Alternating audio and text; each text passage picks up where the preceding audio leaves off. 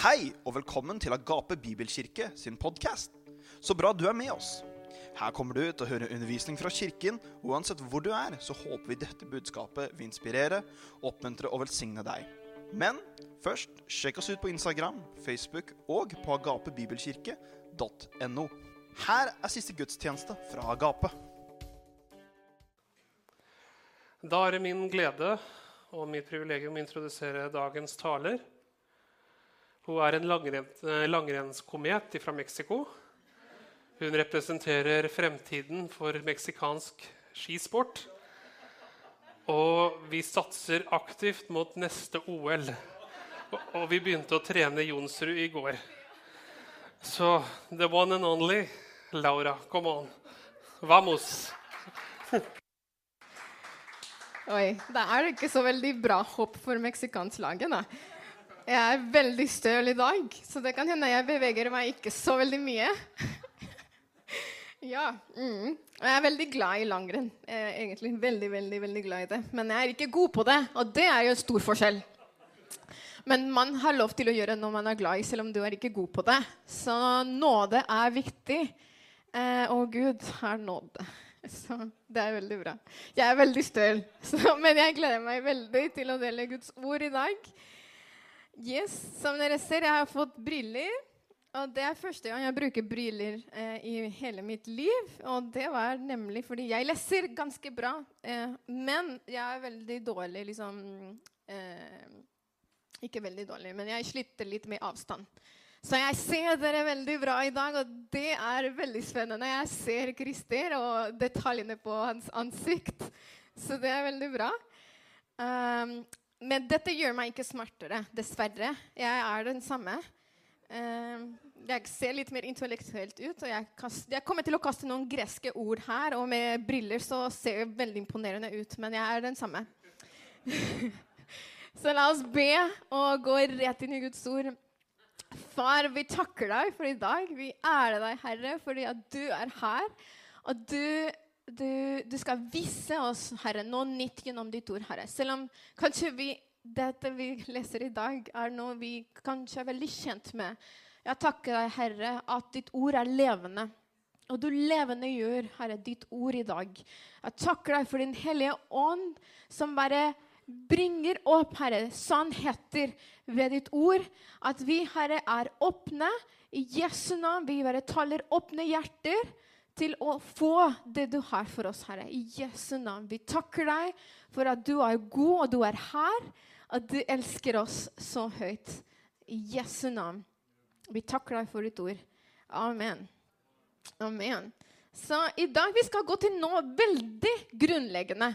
Egentlig noe som kanskje du har hørt på eh, kanskje søndagsskole. Og det blir litt tipp søndagsskoleundervisning, eh, men samtidig så når det er Guds ord, så er det sannhet. Og det er liv. Og det er gjennombrudd. Og så jeg tror Gud kommer til å vise oss noe nytt ved Hans ord. Og Vi skal nemlig gå til Lukas kapittel 15. Lukas 15, vers 11 til 24. Lukas kapittel 15, vers 11 til 24. Så jeg opp, uh, oppmuntrer deg til å ta ut Guds ord. Hvis du ikke har en bibel, og du ønsker å ha en bibel Vi har flere bibler her. Uh, du kan også bruke uh, Det er en bibelapp du kan lese Bibelen i. Men jeg liker alltid å lese fysisk Bibel. Og den er en uh, Vi skal snakke om en sammenligning som heter 'Den bortkomne sønn'. Har noen av dere hørt den liksom, noen gang? Ja. Eller når jeg leser her på Bibelen min, så tittelen er 'Den kjærlige far'. Og jeg liker den tittelen bedre enn 'Den bortkomne sønn'. Men i dag skal vi snakke om omvendelse. Og det er stort ord. Omvendelse. Kanskje du har hørt det en gang? Mm. Og så kanskje du sier 'Å, kjære, oi, dette blir tøft å høre'. Men eh, La oss gå inn i Guds ord, og det er Guds ord som skal åpenbare dette for oss. Så la oss gå inn i den historien som skal si, oppdage sammen hva omvendelse egentlig er. Hva er omvendelse? Så la oss lese fra vers 11. Så sa han Hvem var det som sa dette her? Jesus. En mann hadde to sønner. Og en sammenligning Det er en historie. Tenk på at Jesus var foran disiplene og, og en stor mengde folk, og så sier dere Kanskje det er vanskelig for dere å oppdage Guds rike, men nå kommer jeg, og jeg skal tegne et bilde. Der jeg skal fortelle dere en historie som peker på hvordan Guds rike er. Okay? Så kommer Jesus og begynner han å fortelle. En mann hadde to sønner. To. Den yngste av dem sa til sin far, 'Far, gi meg den delen av eiendommen som tilfaller meg.' Så delte han eiendommen mellom dem. Ikke mange dager eh, etterpå samlet den yngste sønnen alt sitt og dro til et land langt borte. Der sløste han bort alt han eide, i et utsvevende liv. Så det var en mann. Vi vet ikke hvor rik han er, men ifølge den historien så han hadde eiendommen. Mm. Han var en liksom, oppegående mann med penger. Han hadde tjenere. Og så kommer en av sønnene og sier, 'Far, du er ikke død ennå, men jeg vil ha min del av arven. Arvet. Mm. Arven. Jeg vil ha min del nå. Og, ok, Kanskje dette er litt rart, men det var ikke helt uvanlig.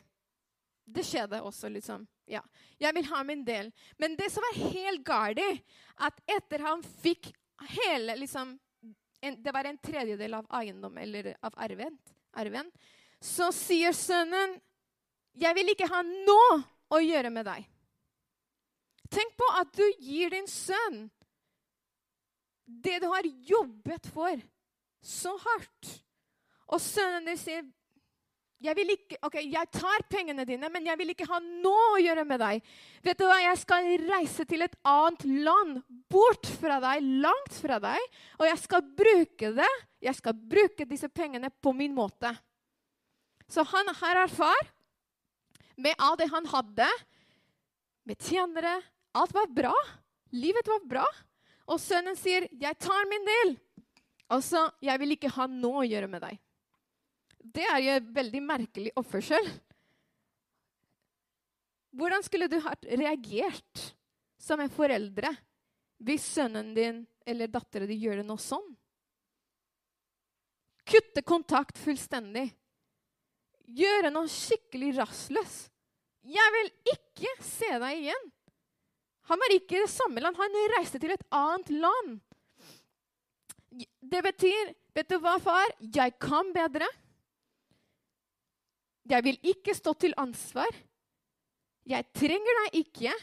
Jeg trenger deg ikke noe mer av deg. Ha det bra. Og det, det er tøft.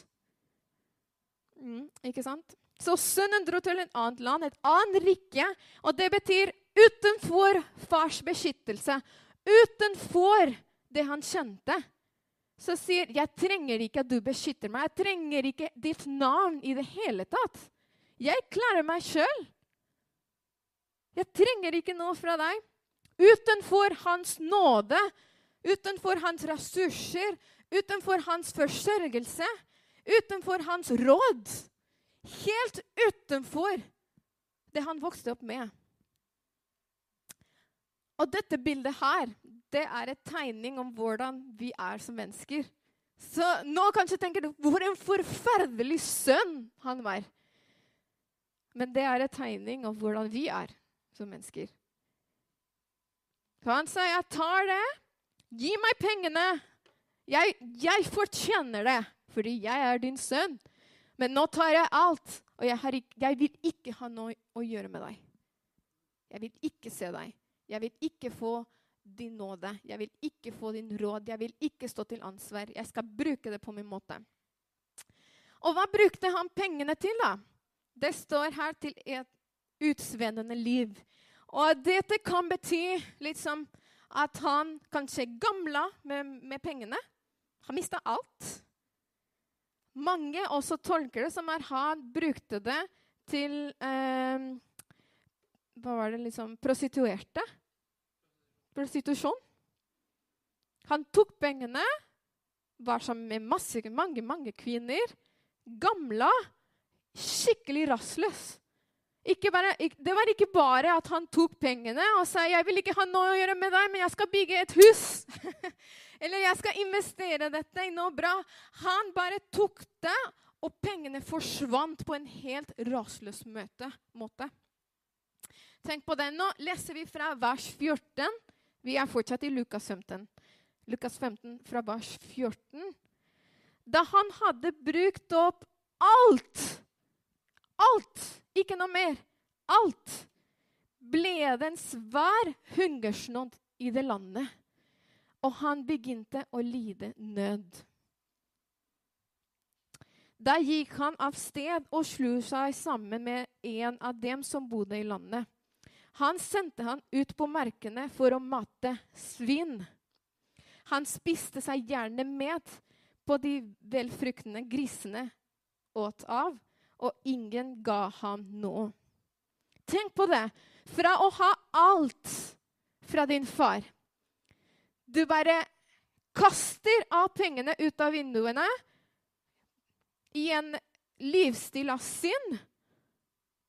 Fullstendig rastløs, uten penger, og så kommer det en hungersnød i, i dette landet. Og det er som en paraply, vet du.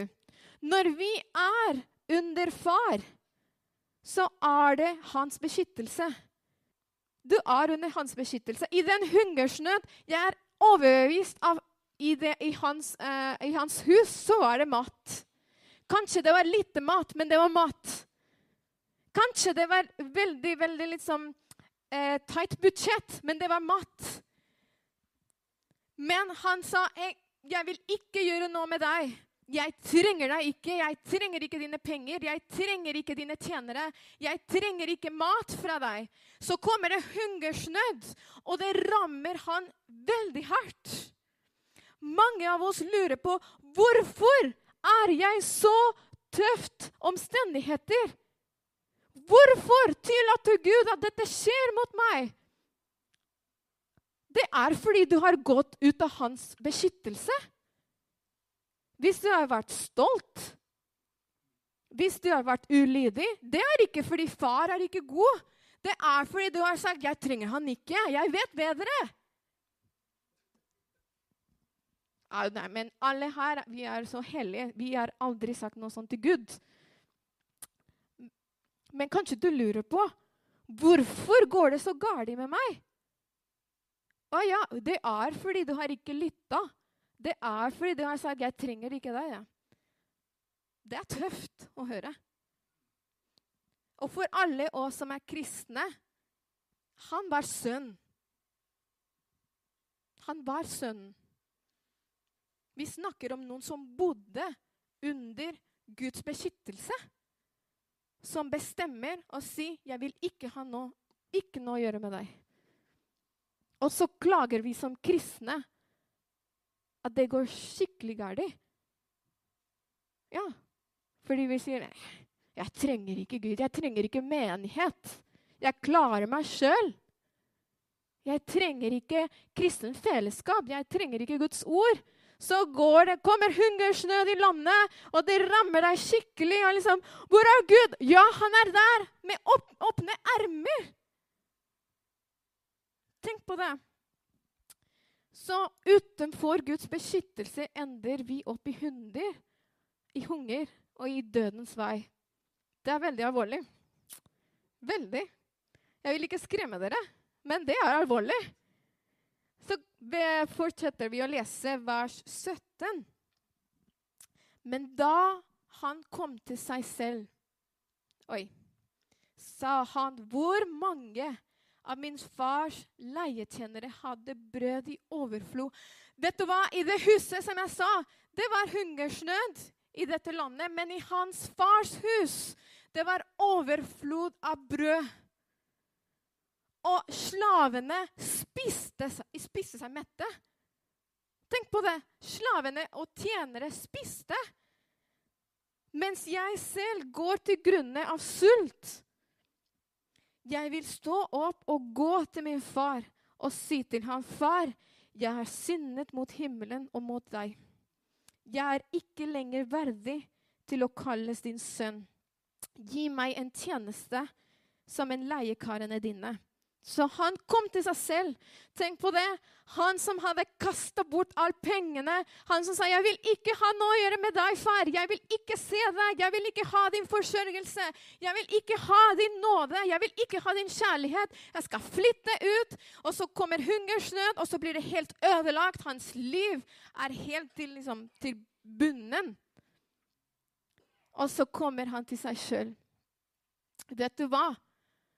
Jeg har sett det mange ganger, mange ganger, at kristne sier Jeg trenger ikke høre på Gud her.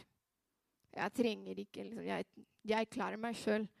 Og som pastorer, det er det, det mest Det er veldig trist å se. Fordi Gud aldri tvinger deg til å bli i hans hus. Aldri. Og den eneste vi kan gjøre, er å si ikke gjør det. Men vi kan ikke tvinge deg som pastorer, og Gud aldri tvinger deg til å gjøre hans vilje. Og vet du hva? Det eneste vi kan gjøre, er vær så god. Crash your head. Vær så god! Crash your head against the wall. Og jeg har sett det mange ganger, også med, når vi jobber med ungdommer også. Liksom, nei, jeg trenger ikke Guds råd for dette her. Jeg kan, med, jeg kan ha masse kjærester og leve sånn. Og Gud er god. Gud er nådig. Jeg kan gi deg råd, men hvis du ikke vil lytte, og hvis du ikke bor i hans hus, vær så god. Gud er god, folkens. Det er beskyttelse i hans hus. Men hvis du ikke vil gjøre hans vilje Han, han tvinger deg ikke til det. Men det er konsekvenser for synd. Det er konsekvenser for synd. Da krasjer du fullstendig mot veggen. Og så Hvor mange ganger jeg ser jenter som kommer gråtende tilbake til oss med konsekvenser. Gravide som 14 års gammel eller folk som ikke lytta til Gud og er helt fullstendig ødelagt. Fullstendig traumatisert. Og så kommer de tilbake grottene. Det er ikke nødvendig, men vi er sånn. Vi er sta. Jeg skal ha det min vei. Jeg skal ha det min vei. Og her ser vi omvendelse. Hva skjedde med han? Han var fullstendig ødelagt. Han var i hunger. Han hadde ikke noe å spise. Han var ved grisene. Tenk på det. Og spiste det samme grisene spiste. Akkurat det samme som grisene spiste. Har du spist grisemat før? Vil du spise grisemat? Vi kjenner noen bonder her i Degenes som har griser, så vi kan jo eh, ta en liten liksom, og prøve litt grisemat. Men jeg tror det er ikke noe som frister. Og han var helt Han krasja mot veggen fullstendig. Ja, Nils også kjenner dem, så jeg tror vi, vi kan jo kanskje ha noe gøy etter møtet. Liksom prøve det. han krasja fullstendig. Men, men, det står i Bibelen at han kom til seg sjøl. Det er her hvor omvendelse skjer ordet omvendelse mange ganger. I religiøse sammensetning tenker vi at omvendelse er bare en munns bekjennelse. Jeg, jeg liksom eh, Tilgi meg, Gud, tilgi meg, tilgi meg. Og du er fortsatt ved grisene. Gud, tilgi meg! Tilgi meg! Og du er fortsatt der. Det er, jo, det er, ikke, det er ikke omvendelse, folkens. Omvendelse er å Gå ut av grisene. Det står Han kom til seg sjøl, og han sa, 'Vet du hva, jeg, jeg må tilbake til far.' Jeg må tilbake til far. Hva betyr omvendelse, hvis du tar noen notater? Omvendelse, ekte Bibels omvendelse, betyr det er en endring i retning. Endring i retning. Så du var her. Der er Gud. Du må endre hvis du gikk den veien. Du må endre retning. Det er omvendelse. Ok, Det er en 180 grader eh, turn. Jeg vet ikke. Ja. Du snur til andre siden. 100, 180. Og du går til Gud. Det betyr å vende deg fra det onde til det Gud har for deg. 100% Så hvis du sier 'Jeg har omvendt meg fra mine synder', men du fortsatt er der, det, det har ikke skjedd. Det har ikke skjedd. Fordi omvendelse er en 180 grad liksom, forandring, og så beveger deg mot Gud. Betyr det at du er perfekt? Nei. Men det betyr at du beveger deg i motsatt vei av synd.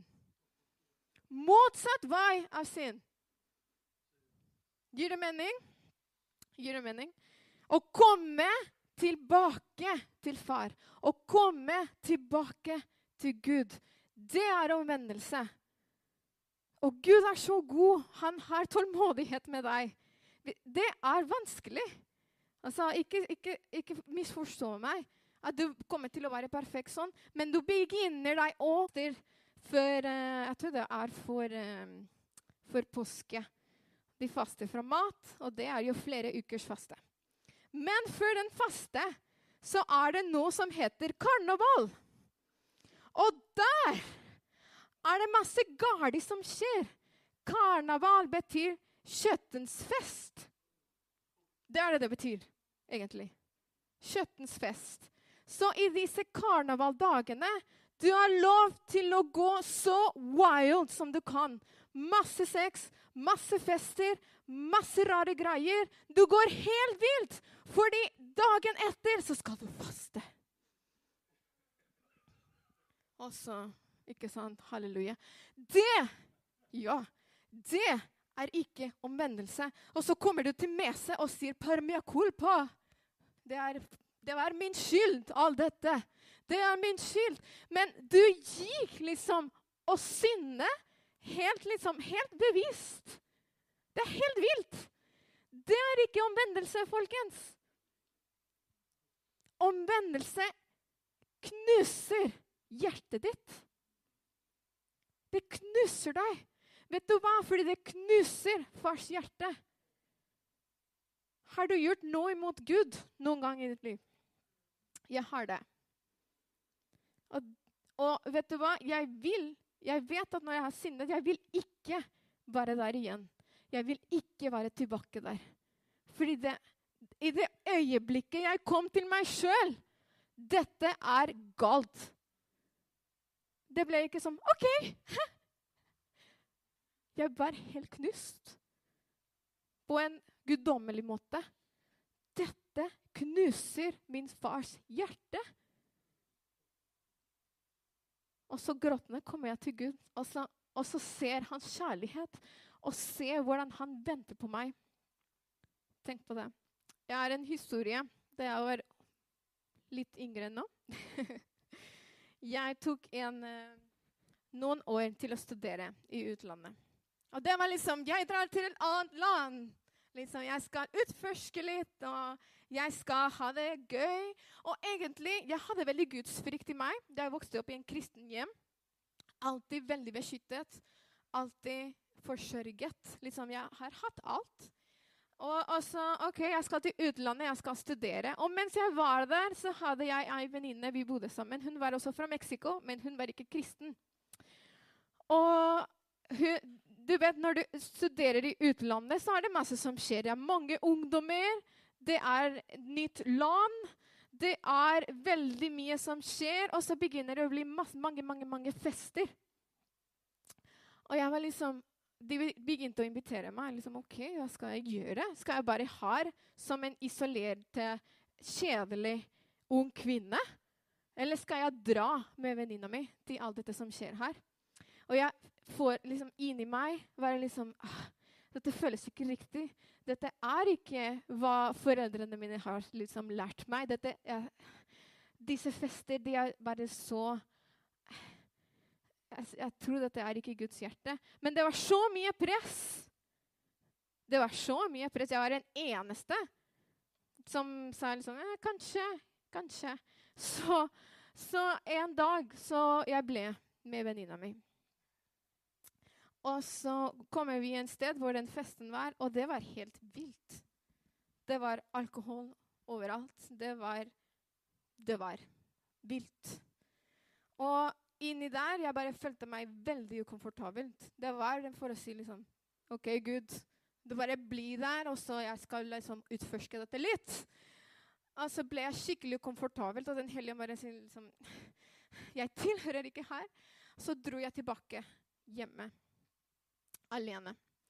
Og i den natten så kommer en person inn i leiligheten vår og stjeler ting midt på natta. Så når du, når du går ut av Guds vilje, når du går ut av Guds beskyttelse, så åpner du døren for at Satan kommer og stjeler fra deg. Og han kom, og takk Gud at han kom ikke inn i rommet mitt, men han kom til rommet til venninna mi. Jeg vet ikke hva som skjedde egentlig, men uh, stjal passet, stjal alt i leiligheten. Alt. Og i den natten det var liksom Hjertet mitt var helt knust. Og jeg hadde ikke gjort noe supergalt, men jeg gikk den retning. Eller begynte å tenke i den retning. Og Den hellige ånd bare banka på hjertet mitt. Og liksom, Her tilhører du ikke. Dette er ikke deg. Du er Guds datter. Og jeg så hvordan hvis jeg ga Satan litt hvordan, hvor mye han kan stjele, fordi jeg gir han tillatelse til å stjele. Du har den Du kan gi tillatelse til, til Satan til å stjele ting fra ditt liv. Når du er utenfor Guds vilje. Og jeg ble så knust. Og det var i den dagen i Belgia jeg falt på knærne og gråt skikkelig. Og Gud møtte meg med hans kjærlighet, og han kalte meg til Europa. Og minte meg på det. Det var der i Belgia, i mitt leilighet. Og det ordet han ga meg den dagen, det er den som har båret meg fram til nå. Så Gud, altså så god er Gud. Hva betyr omvendelse? Det betyr 180 grad forandring av liksom, retning.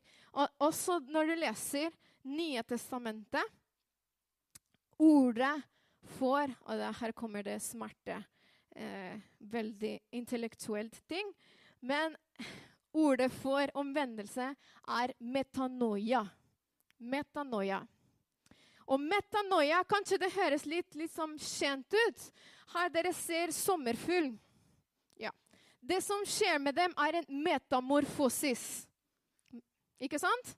Når de forandrer seg fra å være en eh, Det der til en sommerfugl. Og det blir en hel forandring. Metanoia. Metanoia.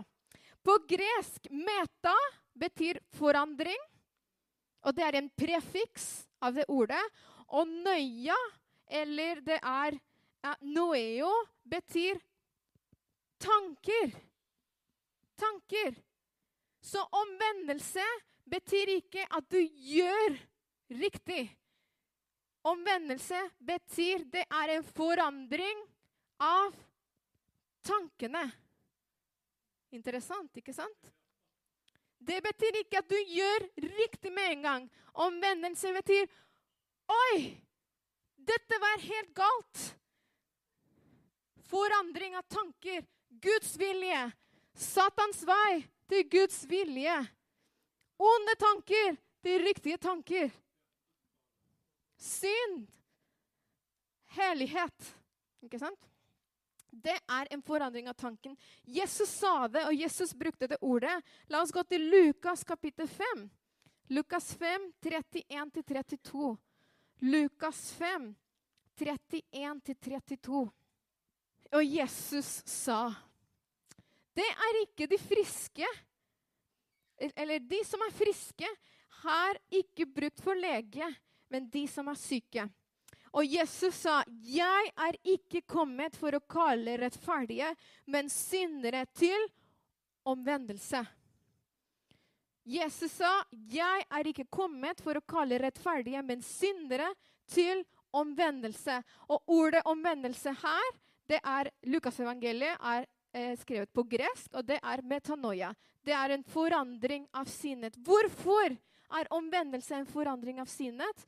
Fordi det du tenker, du tror, og det du tror, du gjør. Jeg, jeg, jeg, når, jeg, når jeg våkner opp på morgenen, når jeg blir våken det, det er ikke liksom at plutselig liksom Oi, hva gjør jeg her med grisene? Og jeg visste ikke. Plutselig er jeg ved grisene. Nei, nei, nei. Alt starter fordi jeg tenker på det. Jeg tror på det, og jeg beveger meg i den retning. Folk som lander i utroskap. Det blir liksom Oi, plutselig ligger jeg med en annen kvinne eller menn. Nei, nei, nei. Du tenker på det. Du tror på det. Og du beveger deg i den retning. Oi, plutselig! Jeg har lyvet så veldig mye! Nei, nei, nei. Du tenker på det. Du tror på det, og du gjør det. Tenk på det. Alle vi har en hjerne som sier masse ting hele dagen. Og så overbevise deg om ting. Hei, se på den personen der, og begynne misunnelse. Oi, han har du, han for mye. Og du tror på det, og så beveger du deg i en retning. Eller begynner du å bli stolt? Begynner du å tenke at jeg er bedre enn de andre. Aha, ja, ja, jeg fortjener mye mer enn de andre. Så tror du på det, og begynner du å handle på det.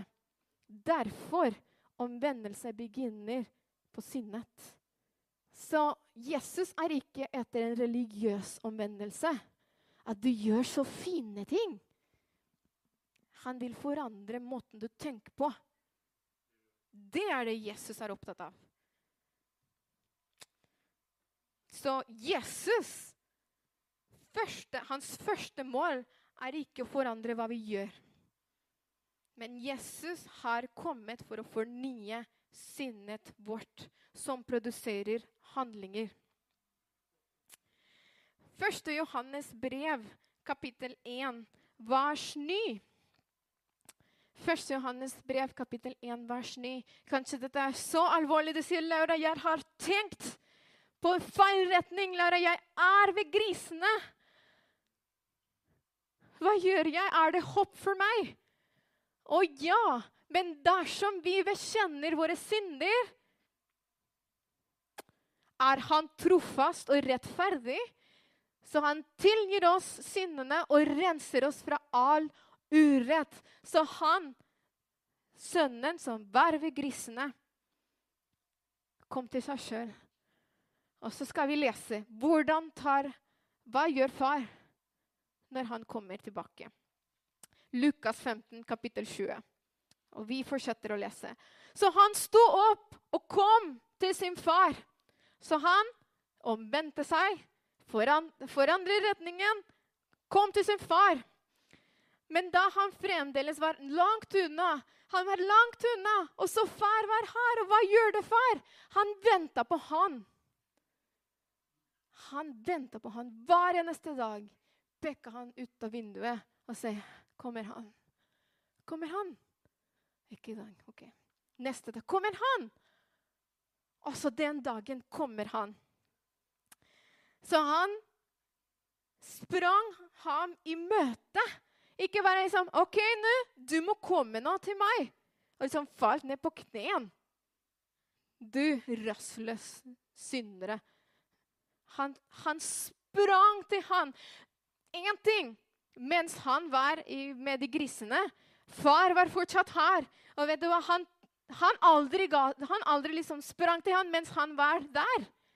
Gud er en gentleman. Han kommer ikke og sier 'OK, nå, du grise, grisesønn, nå skal jeg ta deg og sånn. Nå må du ofre deg, og nå skal du lære.'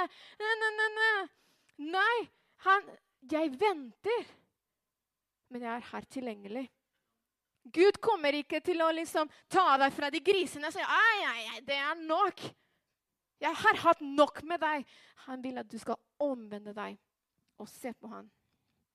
Der er forandring. Der kommer mirakler. Der kommer Guds type liv.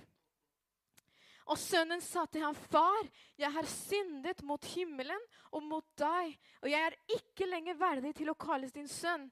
Men far sa til sine tjenere, 'Hent fra ham den beste festdrakten, og ha den på han.' og sett en ring på hånden og sandaler på fotene hans. Så kom så hit med eh, og slakt den, og la oss ete og være glade. For denne sønnen min var død og er blitt levende. Han var fortapt og er funnet. Og festen og glede begynte. Og jeg stopper der. Det er meldt i den historien. Jeg skal vise deg noe. Jeg jeg, igjen, vi skal gjøre dette litt praktisk. Og jeg skal lande med dette her. Jeg trenger den ryggsekken. Den ryggsekken, bare. Ja. ja. Så da du var ved grisene, så var det en sånn Han hadde en ryggsekk fordi han reiste til et annet land. ikke sant? Og det var fylt av veldig, veldig fine ting. Fordi han bodde hans, hos far. Men han hadde en ryggsekk, og han likte Eller han var ved grisene. Så da han var der, så kom Ikke sant?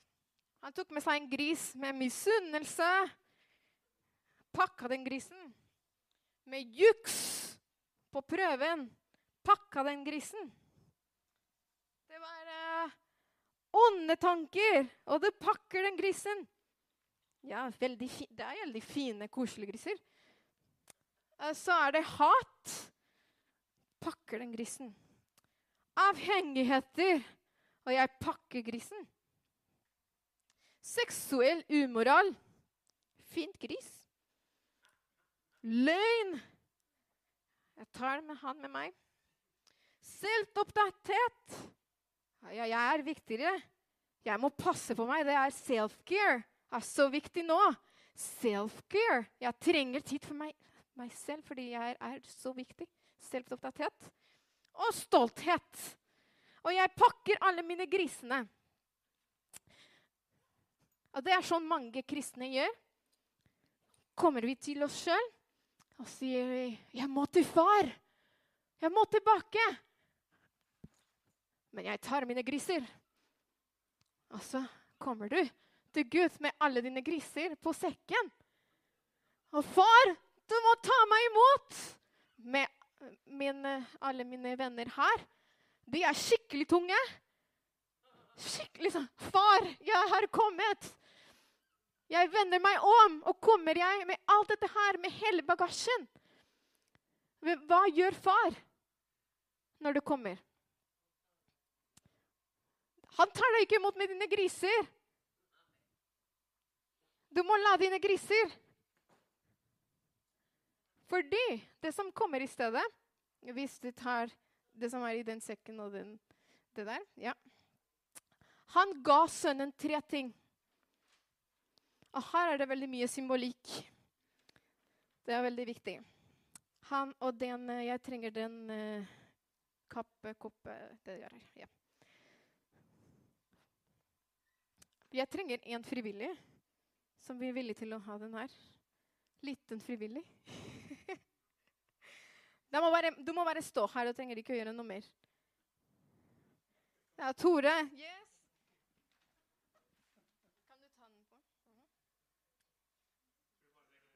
den er veldig liten. Ja.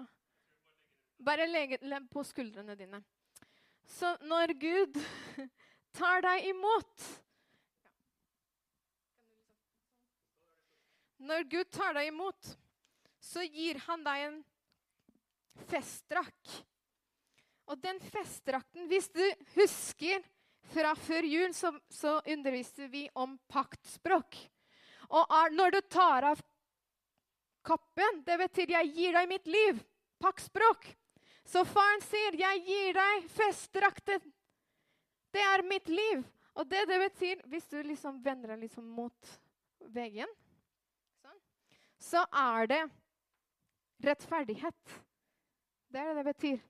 'Jeg er rettferdig', sier far, 'men jeg gjør deg rettferdig'.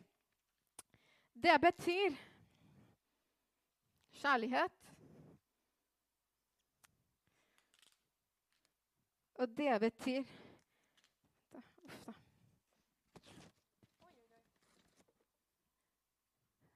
Hellighet.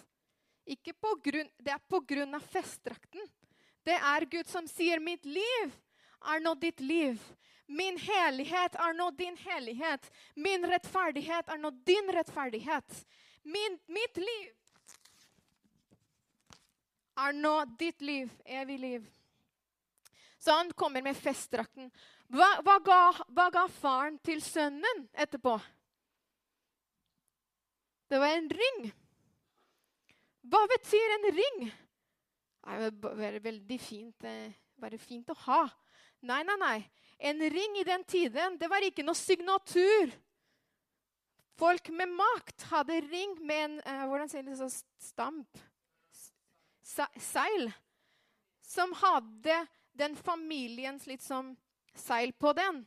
Så når du måtte signere et dokument, du gjør det sånn. Så når far gir ring til sin sønnen, det, det betyr du tilhører familien mitt.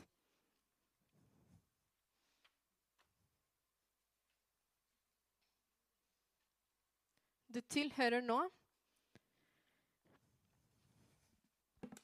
Du har arv.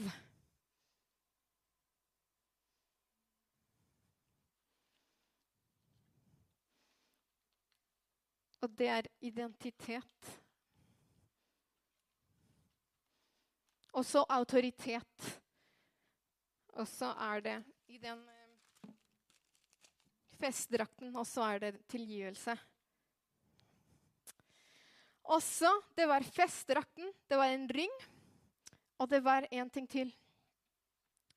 Sandaler. Og her kan det bety to ting. Slavene hadde ikke sandaler. De brukte ikke sko. Bare de som tilhørte huset. Så det betyr også identitet. Det betyr tilhørighet. Det betyr også håp, fordi du går med dine sandaler. Du beveger deg mot framtiden med dine føtter. Så det betyr jeg gjenoppretter deg. Jeg, du, jeg gjør deg rettferdig. Jeg gjør deg min sønn. Jeg gir deg autoritet. Jeg gir deg arv.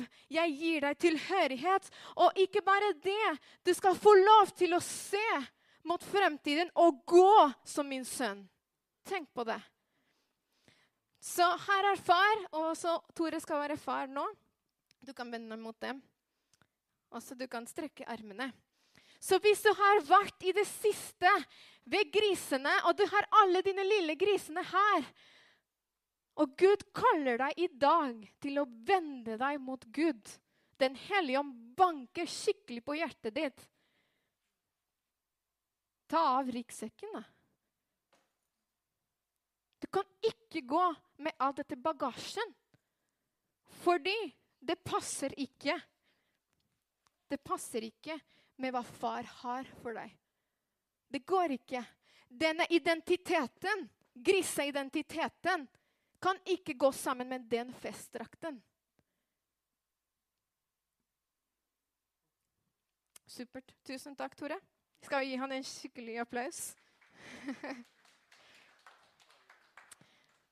Så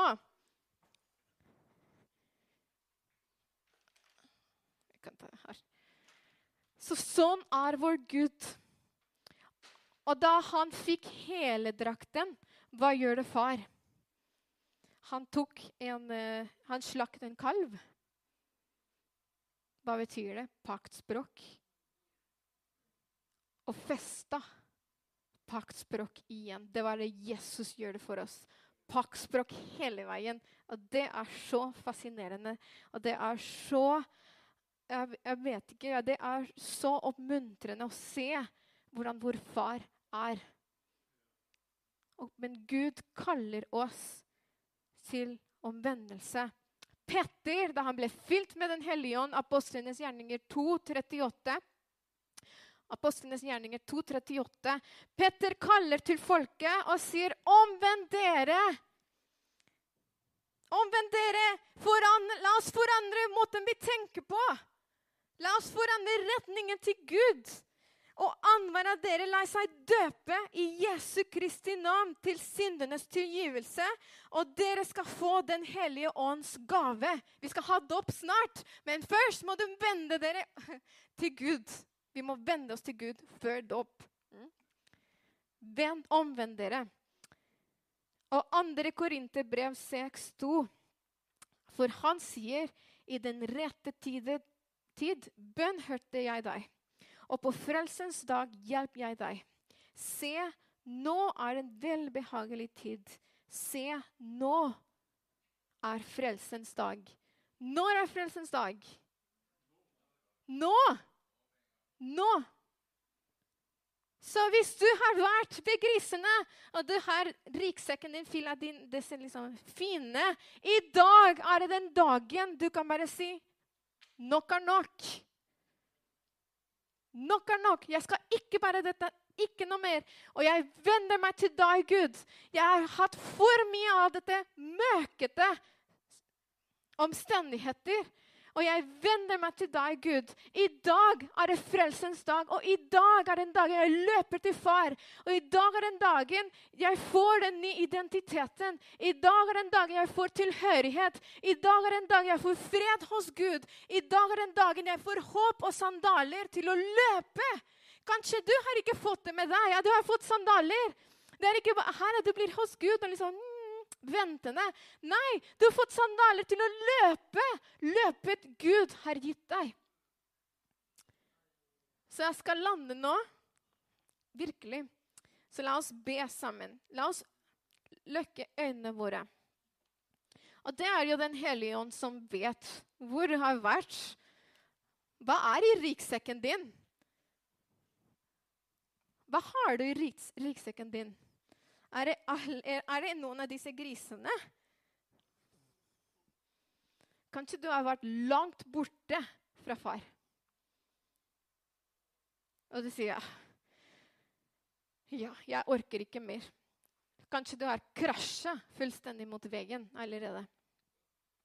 Og istedenfor å bo i hans forsørgelse og bo i hans arv og tilhørighet og helighet og rettferdighet, så har du fullstendig krasja. Og Den hellige ånd banker på hjertet ditt i dag. Banker fordi han vil ha deg tilbake. Og han kaller deg til omvendelse. Han kaller oss til omvendelse. I dag er det frelsens dag. Er det noen i dag, før dere drar Før dere drar Er det noen i dag som har ikke tatt imot Jesus og du sier 'Jeg har hatt nok. Jeg vil Jeg trenger Gud. Jeg trenger Han'. Er det noen her som vil gi sitt liv til Jesus i dag? Og du kan bare vinke til meg.